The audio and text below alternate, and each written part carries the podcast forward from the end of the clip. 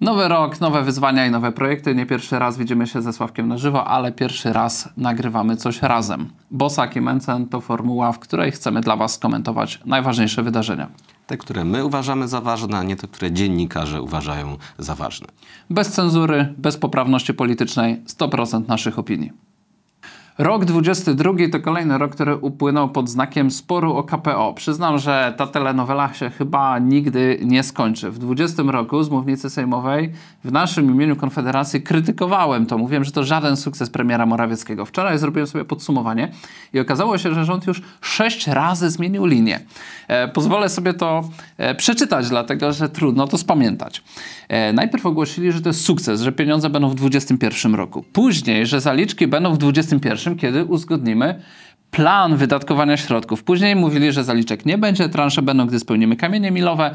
Później ogłosili, że jak, jest, e, jak będzie kompromis, kompromis był, e, pieniądze miały być w 2022 roku. Następnie powiedzieli, że nas oszukali, kompromis nieudany, damy sobie radę bez tych pieniędzy, po to, żeby na końcu ogłosić, że nie damy sobie wcale rady bez tych pieniędzy i musimy złamać konstytucję po to, żeby e, uratować suwerenność. To jest najnowsza linia ministra Czarnka. Znaczy, ja myślę, że tu żadnej kasy nie będzie, przynajmniej dopóki rząd się nie zmieni, że Unia Europejska wprost gra na zmianę polskiego e, rządu i na razie żadnych pieniędzy nam nie wypłaca. To jest w ogóle śmieszne. Ja się dziwię, że ludzie tego nie widzą, że blokują nam pieniądze, ponieważ mówią, że nie ma w Polsce praworządności. Jako metodę kompromisu wyjścia z tego proponują nam uchwalenie ustawy rażąco sprzecznej z polską konstytucją. Tak? Więc jeżeli proponowanie nam ustawy, która powinna być zgodna z konstytucją, z nią całkowicie sprzeczna, jest jakąkolwiek praworządnością, to jest to śmieszne. Ja myślę, że oni już dawno nie dbają o jakąkolwiek spójność logiczną tych swoich stanowisk i wypowiedzi. Najlepszym świadectwem tego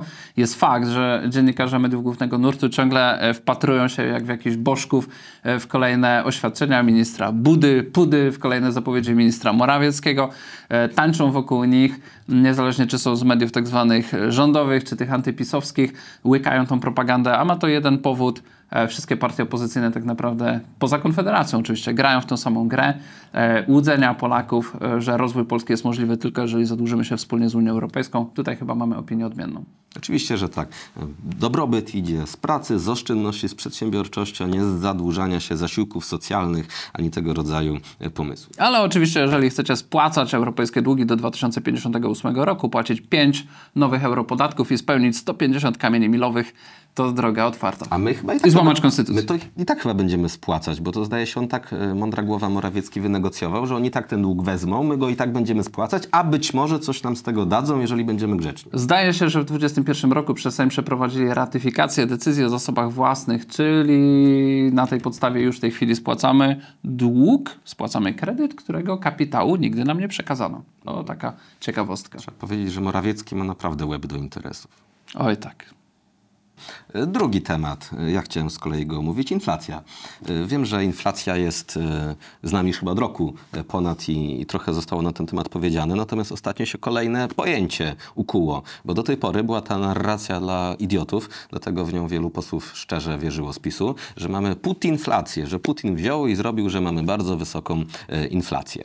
No, najpierw się rozprawili z tym ekonomiści. Jest taki fajny raport członkini Rady Polityki Pieniężnej, pani Tyrowicz, profesora, profesor profesora Hagermeyera z Uniwersytetu Warszawskiego, gdzie to po prostu policzyli, jaki wpływ na inflację miały wzrosty cen surowców i okazało się, że bardzo mały. Że to, co mamy w Polsce nie wynika ze wzrostu cen e, surowców, czyli nie jest tą tak zwaną Putin-inflacją. Co więcej, postawili wtedy tezę, że jak surowce stanieją, no to inflacja wcale nam nie spadnie. No, surowce staniały, inflacja nam nie spadła, co pokazuje, że nie mieliśmy żadnej Putinflacji, za to niespodzianka okazało się, że mamy Orlen-flację. To z kolei dzisiaj informacja z banku jak już Państwo na pewno wiecie, Orlen zawyżał od ładnych paru miesięcy ceny paliw hurtowe. Teraz e, od 1 stycznia VAT wzrósł, opłata paliwowa wzrosła, a ceny się nie zmieniły.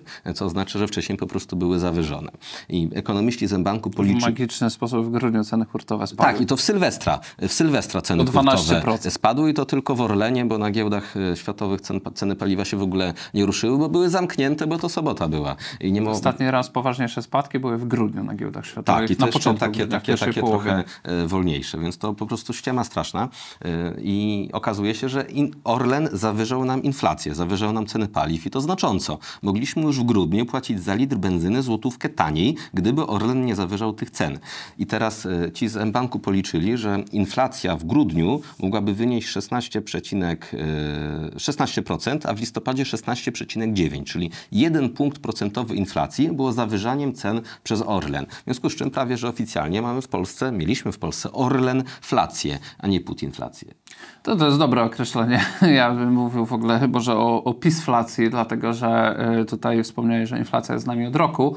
Y, No, faktem jest, że powyżej celu inflacyjnego to był zresztą z tego co pamiętam twój spór z demagogiem, gdzie zostałeś sfakt-checkingowany jako y, fałszywie podkreślający inflację, bo ten odczyt, który ty zacytowałeś, jak się domyślam z pamięci, wystąpił miesiąc później niż ty przypisałeś, czyli Bo w styczniu, a nie w Bo grudniu. inaczej, ja zawsze w każdym wywiadzie mówiłem, że już przed wirusem inflacja przekroczyła w Polsce 4%.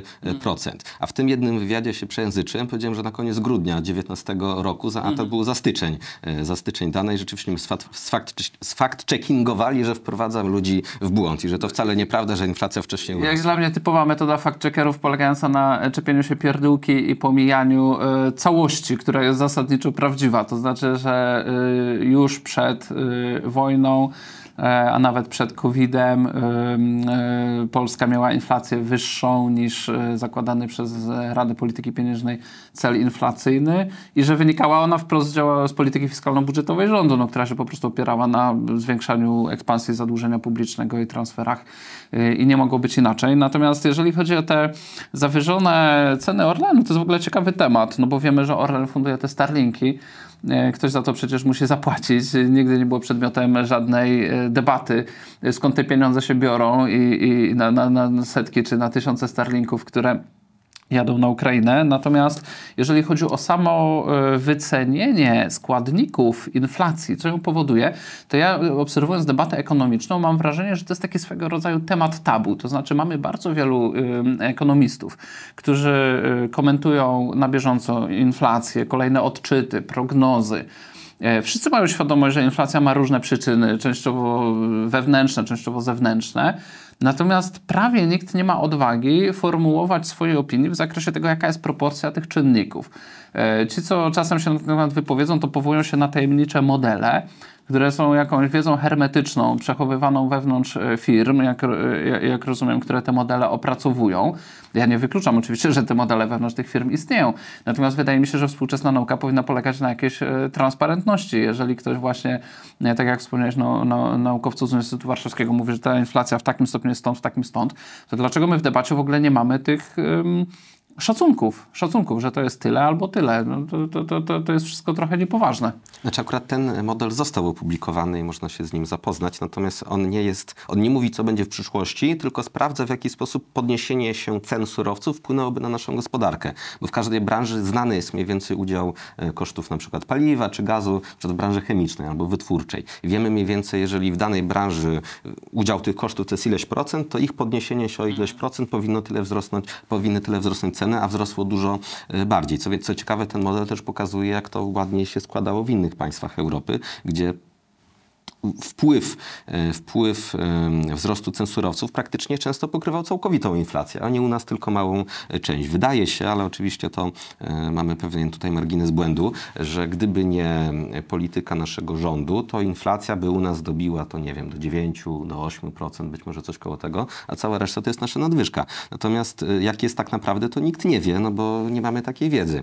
Ja w te wszystkie modele to oczywiście nie wierzę. Zresztą e, e, wiem, co mówię, bo sam dużo modelowałem. Ja e, mam doktorat z ekonomii matematycznej, chodziłem na różne zajęcia ze statystyki, z ekonometrii, wiem, jak się takie modele robi. Co do zasady, jak ktoś publikuje taki model ekonometryczny, to trzeba mu na wiarę uwierzyć, że nic tam nie oszukał, bo tego sprawdzić się oczywiście w żaden sposób nie da. A te modele oczywiście nie mają absolutnie żadnej zdolności predykcyjnej. Znaczy, no to jest w ogóle temat tego, jak uprawiana jest współczesna e, ekonomia i problem matematyzacji e, ekonomii jako nauki społecznej i, i, i też problem tak zwanych czarnych łabędzi. To znaczy, nawet jeżeli ktoś skonstruuje świetny model, który mm, przez długi czas potrafi pewne trendy prawidłowo przewidywać, e, no to każdy taki model jest ograniczony w czasie do momentu, aż zmienią się warunki gry przez właśnie jakąś zmianę technologiczną, zmianę geopolityczną, polityczną, czy tak zwanego czarnego łabędzia. I nagle wszystko zaczyna y, działać trochę inaczej, więc ja myślę, że w ogóle taka ślepa wiara w te modele i moda na powoływanie się na te wszystkie e, prognozy to może prowadzić do politycznych błędów. Mm, I z pewnością nie wiemy, jaka jest przyszłość, można próbować ją przewidywać z mniejszym lub większym szczęściem, natomiast na pewno wiemy, jak działają podatki. I tutaj myślę, że warto dorzucić, że do inflacji w Polsce rząd absolutnie dorzuca się swoją polityką podatkową. Myśmy jako Konfederacja, sądzę, że jako jedyni to e, z takim uporem piętnowali, publikując naszą listę kilkudziesięciu zmian podatkowych, które zmierzały do głębszego drenażu Polaków mm, e, i polskich przedsiębiorstw e, z płynności, z pieniędzmi, którymi dysponują. E, raz nawet w wystąpieniu sejmowym posła innej partii, nie pamiętam czy to był e, chyba z Platformy Obywatelskiej, znaleźliśmy tą naszą listę, że jej elementy były tam gdzieś odczytywane. Natomiast e, warto podkreślić to, co się teraz stało od stycznia. Myśmy to w grudniu zaczęli nagłaśniać i gdyby, sądzę, że gdyby nie nasza aktywność, to ludzie by po prostu o tym nie wiedzieli. A mianowicie rząd oszukiwał społeczeństwo, że musi wyjść z tak zwanej tarczy inflacyjnej i wrócić do podstawowej stawki VAT na trzy y, produkty czy trzy dobra, które absolutnie mają wpływ na całą resztę gospodarki, to znaczy na ciepło, na prąd i na gaz. E, I wychodził z tarczy inflacyjnej, która ustanawiała stawki na poziomie 5 punktów procentowych na 23 punkty procentowe. I wmawiali opinii publicznej, że muszą podnieść to o 18 punktów procentowych, bo dostali jakieś pisma z Komisji Europejskiej i Unia Europejska karze. Pismo oczywiście nigdy nie opublikowali, a jak zaczęliśmy to sprawdzać, to okazało się, że z prawa unijnego wynika właśnie, że na 5% mogą pozostać. I będziemy mieć jedne z najwyższych stawek w Unii Europejskiej e, w tej chwili, w pierwszej połowie roku 2023. Mm, I o tym się prawie w ogóle nie mówi, że inne państwa przeciwdziałają inflacji, trzymając niskie stawki podatkowe, a rządowi PiSu po prostu zabrakło kasy tak, im się pieniądze po prostu skończyły. Yy, widać zresztą po tym budżecie. To jest w ogóle zabawna sprawa z tym budżetem. Jeszcze dokończę te twoje e, modele i słuszną oczywiście, yy, słuszny brak wiary w możliwości tych modeli, które Zrobię to sceptycyzm naukowy. Tak. Bo zaraz się rzucą na mnie, że antynaukowe tutaj. No właśnie to są największe barany. Ja tego kompletnie nie rozumiem. Jeżeli cokolwiek jest podstawą naszej nauki, to właśnie wątpienie, zadawanie pytań, falsyfikowanie. Jeżeli jakaś teza to, wiesz, to jest trzeba wiedzieć, w co wątpić teraz. Niefalsyfikowalna, to w ogóle nie jest tezą naukową, tak? A teraz mówię mówi się ludziom, którzy zadają pytania, że to jest nienaukowe, że trzeba zaufać nauce. No nie ma bardziej nienaukowego powiedzenia niż zaufaj nauce. Właśnie nauka ma, mówi nie ufaj nam, sprawdzaj, sprawdzaj, czy na pewno dobrze mówimy, falsyfikuj, szukaj argumentów, kontrargumentów, kontrprzykładów. To jest prawdziwa nauka, a nie danie ludziom do wierzenia i wy w to macie wierzyć, a kto się nie zgadza, to nie jest naukowcem. No przecież to jest jakieś, nie wiem, to już jest w średniowiecze miało dużo bardziej rozwinięty aparat naukowy yy, czy metodologiczny niż to, co się teraz na świecie Zaraz dzieje. się zjawi e, ta tabun internetowych mądralów, którzy, mądrali, którzy zasugerują ci płaskoziemstwo. Tak, płaskoziemstwo. Banda baranów, ciężko się o nich mówi. Odnośnie tej predykcji w każdym razie. Wiesz, jakie były założenia budżetowe z inflacją na 2022 rok? No będę strzelał 4,5? Prawie 3,3. To znaczy, kiedy uchwalali ten budżet rok temu, kiedy już inflacja tam dobijała do 10%, czy zaraz miała ją przekroczyć, wpisali sobie do budżetu, że inflacja będzie 3,3 średnioroczna. Jak wiemy, jak skończyło się to wszyscy oczywiście wiemy. W tym sprawdziłem specjalnie w projekcie, w ustawie już teraz przyjętej przez Sejm budżetowej na 23 przyjęli, że inflacja będzie wynosiła 9,8. Mhm. Więc jak teraz z 3,3 zrobiło się 17, pytanie ile zrobi się z 9,8? Warto to powiedzieć e, naszym e, słuchaczom e, tych tu naszych e, wywodów, że mogą intuicyjnie sądzić, że to jest taka pomyłka na niekorzyść rządu. Tymczasem to jest pomyłka na niekorzyść społeczeństwa, ale na korzyść rządu, bo kiedy oni zaniżają inflację w prognozach budżetowych, to później otrzymują dochody budżetowe większe niż te, które wynikały z tego odczytu inflacyjnego. Więc to jest pomyłka na korzyść rządu i na niekorzyść społeczeństwa. Pytanie, czy to jest pomyłka? Szczerze wątpię. Wiceministrowie finansów Soboniowi wyrwało, że każdy punkt procentowy inflacji to chyba 4 miliardy więcej do, e, do budżetu, więc oni tam szczególnie z tą inflacją to, e, to nie walczą. Ciekaw jestem, gdzie są teraz e, internetowo-twitterowi miłośnicy MMT. A, to się pochowali. E, pochowali się. Jakoś bo w dziury zniknęli teraz, były- prawda? Nie wiem, czy wszyscy wiecie, była taka teoria ekonomiczna. Jest. Jest pewnie wprowadzona Jest, w życie w Zimbabwe, w Wenezueli i w takich bardzo mądrych miejscach. I ona mówiła, że jak nie ma pieniędzy, to się je drukuje, a jak jest inflacja, to w razie czego się nałoży podatki i problem zniknie. I od lat nam mówili, że nie ma co oszczędzać, lepiej się zadłużać, bo stopy procentowe zawsze będą niskie, w razie czego się dodrukuje i co będziemy sobie e, żałować. Nagle inflacja wybuchła, a panowie gdzieś znikli. No, oni twierdzą, że to w ogóle nie jest zadłużanie, tylko że to jest taki regulator rozwoju i że to mamy taki suwak rozwoju. Im bardziej go przesuniemy, tym bardziej będziemy rozwinięci. Mało kto zauważa, że Mateusz Morawiecki w swojej, w swojej całej retoryce operuje w zasadzie ym, tym aparatem pojęciowym wprost wyjętym z tych lewicowych publikacji ekonomicznych. Czy on jest intelektualnie przesiąknięty lewicowością? No on nie bez powodu się spotyka z Hararim. On używa dokładnie tych samych e, pojęć, które używa ta awangardowa lewica zachodnia. Tylko tutaj tylko na nasz użytek wewnętrzny się sprzedaje jako prawicowiec. Wracając do tych podatków, e, bo, bo rośnie VAT oczywiście, rośnie akcyza, rośnie opłata paliwowa, rosną mandaty, o czym się kierowcy e, przekonają i jeszcze rośnie jedna ciekawa sprawa, o której chciałem powiedzieć, bo się zasadniczo mało e, przebiła. Mówię tutaj o nieruchomościach. To znaczy jest, wchodzi zakaz amortyzowania lokali mieszkalnych i w ogóle zakaz rozliczania się, jeżeli ktoś jest nieprzedsiębiorcą na skali podatkowej z wynajmu mieszkań. Niby drobna zmiana w podatku dochodowym. Tak, to jest olbrzymia e, rewolucja wręcz na, na rynku e, nieruchomości. Teraz mój największy zarzut do niej, bo ona ma ręce i nogi. Przepraszam się wetnę. Przez Sejm takie rzeczy przechodzą niezauważone przez większość posłów, którzy traktują to jako 1001 nowelizację podatku dochodowego. To jest, to jest w ogóle moja e, sekretna taktyka. Jak już kiedyś będę miał jakiś wpływ na stanowienie prawa, to im będę właśnie takie wrzutki robił, których nikt nie będzie rozumiał, a po dwóch latach się okaże, że to w ogóle nie trzeba płacić Nie, podatku. niepotrzebnie ujawniasz. Ale to bardzo często mówię publicznie, bo oni takich nie załapią.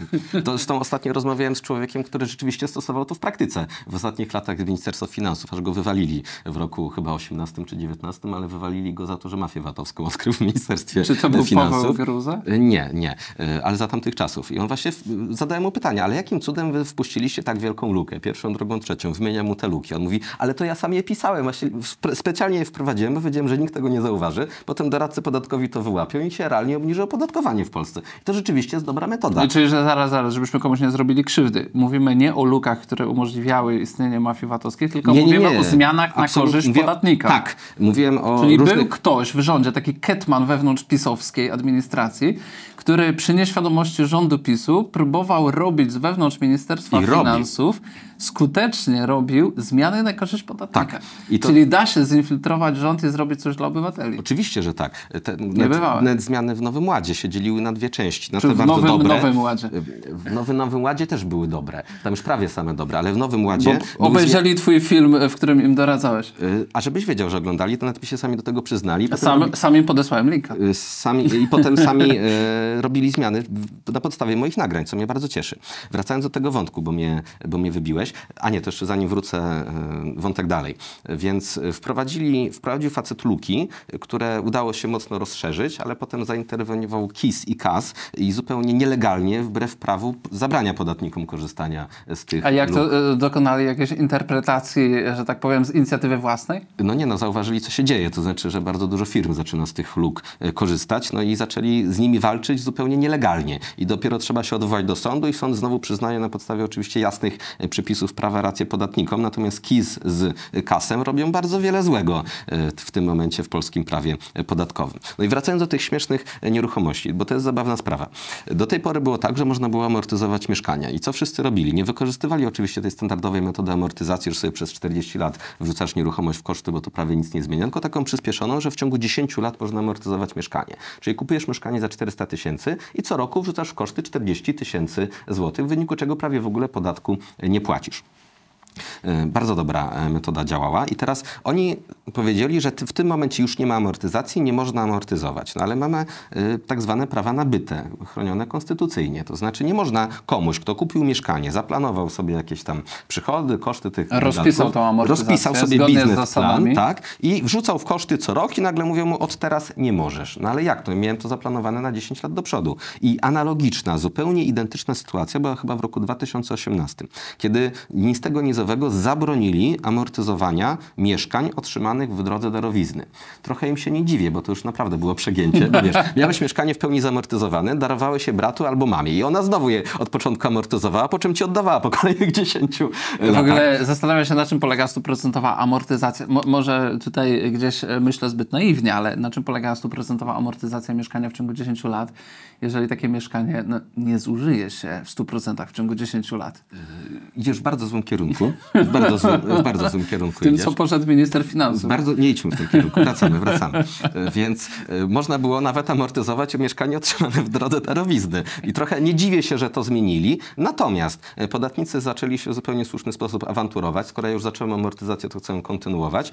I mieliśmy wyroki sądów oraz nawet interpretacje podatkowe, że ktoś, kto zaczął amortyzować mieszkanie przed wejściem w życie tych przepisów, dalej je może amortyzować, pomimo że ustawa już zabrania, bo mamy ochronę praw nabytych. Więc teraz spodziewam się identycznej reakcji. To Teraz znaczy, jeszcze pytanie, czy, że tak powiem, em, e, inspektorzy podatkowi uznają ten wyrok sądu. Bo w tym zakresie mamy coraz więcej doświadczeń polegających na tym, że jedne instytucje państwa nie uznają decyzji czy wyroków innych instytucji państwa. y, tak, y, a to jest już zupełnie Może się okaże inny- na przykład, że to są e, sędziowie mianowani przez, neosędziowie przez neo-KRS. Nie chciałbym aż tak dekonstruować polskiego porządku prawnego, w którym prawie nic nie jest e, pewne, tylko jeszcze jedna dygresja, bo mi się skojarzyła z tymi mieszkaniami. Więc wszedł przepis, który w roku 2018 okazał się niekonstytucyjny. Teraz wszedł identyczny przepis, który póki co korzysta z domniemania konstytucyjności i twierdzą, że tak można. A jeszcze większy skandal to był w latach 2013 i 2014 i to muszę powiedzieć, bo to, to że to nie jest znany przykład to, e, i że to nie jest argument w ogóle e, w tym sporze PiS-PO Trybunał Konstytucyjny, to warto to przywołać. Mieliśmy takie przepisy, dalej mamy, o nieujawnionych źródłach przychodu. To znaczy, jak ktoś nie wiadomo skąd ma pieniądze i nagle je wydał, na przykład na mieszkanie, czy dał komuś darowiznę, to państwo chce od tego 75% podatku. I te przepisy obowiązywały od początku lat 90. I, mieliśmy, I w 2007 roku ten sama jednostka redakcyjna, ten sam przepis przesunęli z jednego artykułu do drugiego. I w 2013 był wyrok Trybunału Konstytucyjnego, który powiedział, te przepisy w brzmieniu do końca 2006 roku były niekonstytucyjne. One od zawsze były niekonstytucyjne, nie można było traktować tak podatników, więc każdy, komu to się nie przedawniło, dostał tą kasę z powrotem i to z odsetkami. To były lata tego kryzysu. Pamiętasz okres przedawnienia? No, Normalnie to jest 5 lat. W każdym razie y, ludzie dostali ktoś- mnóstwo pieniędzy wtedy, ponieważ przepis się okazał niekonstytucyjny. I rok później, w roku 2014, ten sam przepis, też trafił oczywiście do Trybunału Konstytucyjnego, tylko umieszczony kilka artykułów dalej. Został uznany za konstytucję. Jeszcze śmieszniej, też został uznany za niekonstytucyjny, ale przesunęli ogłoszenie, wejście w życie wyroku o 18 miesięcy przy założeniu, że do tej pory cały czas jest konstytucyjny i ludzie nie mają prawa odzyskać swoich pieniędzy, które im zabrano w drodze niekonstytucyjnego przepisu. Teraz były nawet przypadki, że ktoś miał dwie decyzje, jedną za rok 2006 i rok 2007 z tego samego artykułu. I w 2006 dowiedział się, że ponieważ Polska jest demokratycznym państwem prawnym realizującym zasady y, Sprawiedliwości sprawiedliwości społecznej, to mu oddadzą te pieniądze, a za rok 2007 mu nie oddadzą, ponieważ Polska jest demokratycznym państwem prawnym realizującym zasady spo- sprawiedliwości społecznej. I weź to wytłumacz podatnikowi, jak ten system działa. I to się nazywało praworządnością. To był ten legalny Trybunał Konstytucyjny, którego teraz broni Jeszcze przed opozycja. przyjęciem. No tak, no przecież to były lata 2000-2014, kiedy to wszystko było zdominowane przez Platformy. I takie cyrki tam się działy. Czy ja mam wrażenie, że y, w ogóle ludzie, którzy bronią tej takiej y, naiwnej praworządności polegającej na tym, że, mm, że no właśnie, że oni mają strasznie naiwny pogląd na to wszystko, tak? To znaczy absolutnie nie broniąc, ani w żaden sposób nie broniąc, nie idealizując y, tego, co robi PiS, zachowując krytycyzm, mówmy otwarcie, wobec tego, co PiS zrobił z wymiarem sprawiedliwości, z Trybunałem Konstytucyjnym, to idealizowanie tego, co było wcześniej, nazywanie, że to były jakieś wolne sądy, że to była jakaś praworządność, to jest wszystko Wolno działały. To, to jest to, wszystko e, tak y, y, sprzeczne z jakimś rozumem i godnością człowieka dla kogoś, kto wie cokolwiek o kulisach, y, y, czy to działania polskich sądów, czy y, właśnie pracy Trybunału Konstytucyjnego przez analogiczna sprawa z OFE, prawda? Wmawiano ludziom kampania wielka, że to są wasze pieniądze, po czym nagle TK orzeka, nie, nie, nie, to jednak wcale nie były wasze pieniądze, to są publiczne daniny. Tak naprawdę to były dochody sektora publicznego i premier może je po prostu z dnia na dzień zabrać. Jest taki dowcip, który przecież znikąd się nie wziął i on jest dużo starszy niż e, pisowski Trybunał Konstytucyjny, że jak jeden sędzia mówi do drugiego, że został pozwany, że jego pies kogoś pogryzł i idzie na ugodę. Ale czemu ty idziesz na ugodę? Przecież ty nawet psa nie masz. No wiem, ale wiesz jak działają sądy. No tak to niestety wygląda. To jest e, pierwszy, e, pierwszy raz, kiedy wspólnie ze Sławkiem dzielimy się swoimi opiniami na tematy, które uważamy, że są ważne i nie ostatni. Jesteśmy w roku wyborczym. Uważamy, że mamy wiele do powiedzenia. Prawda jest e, po naszej stronie i nie zawahamy się jej użyć. E, Dokładnie. U siebie na kanale tego e, nie robię, ale tu jestem gościnnie, to tak powiem. E, Łapki w górę, udostępniajcie, subskrybujcie, piszcie komentarze, czy wam się podobało, czy nie i wtedy będziemy nagrywać kolejne takie nagrania. I do zobaczenia, a kiedy to zobaczymy.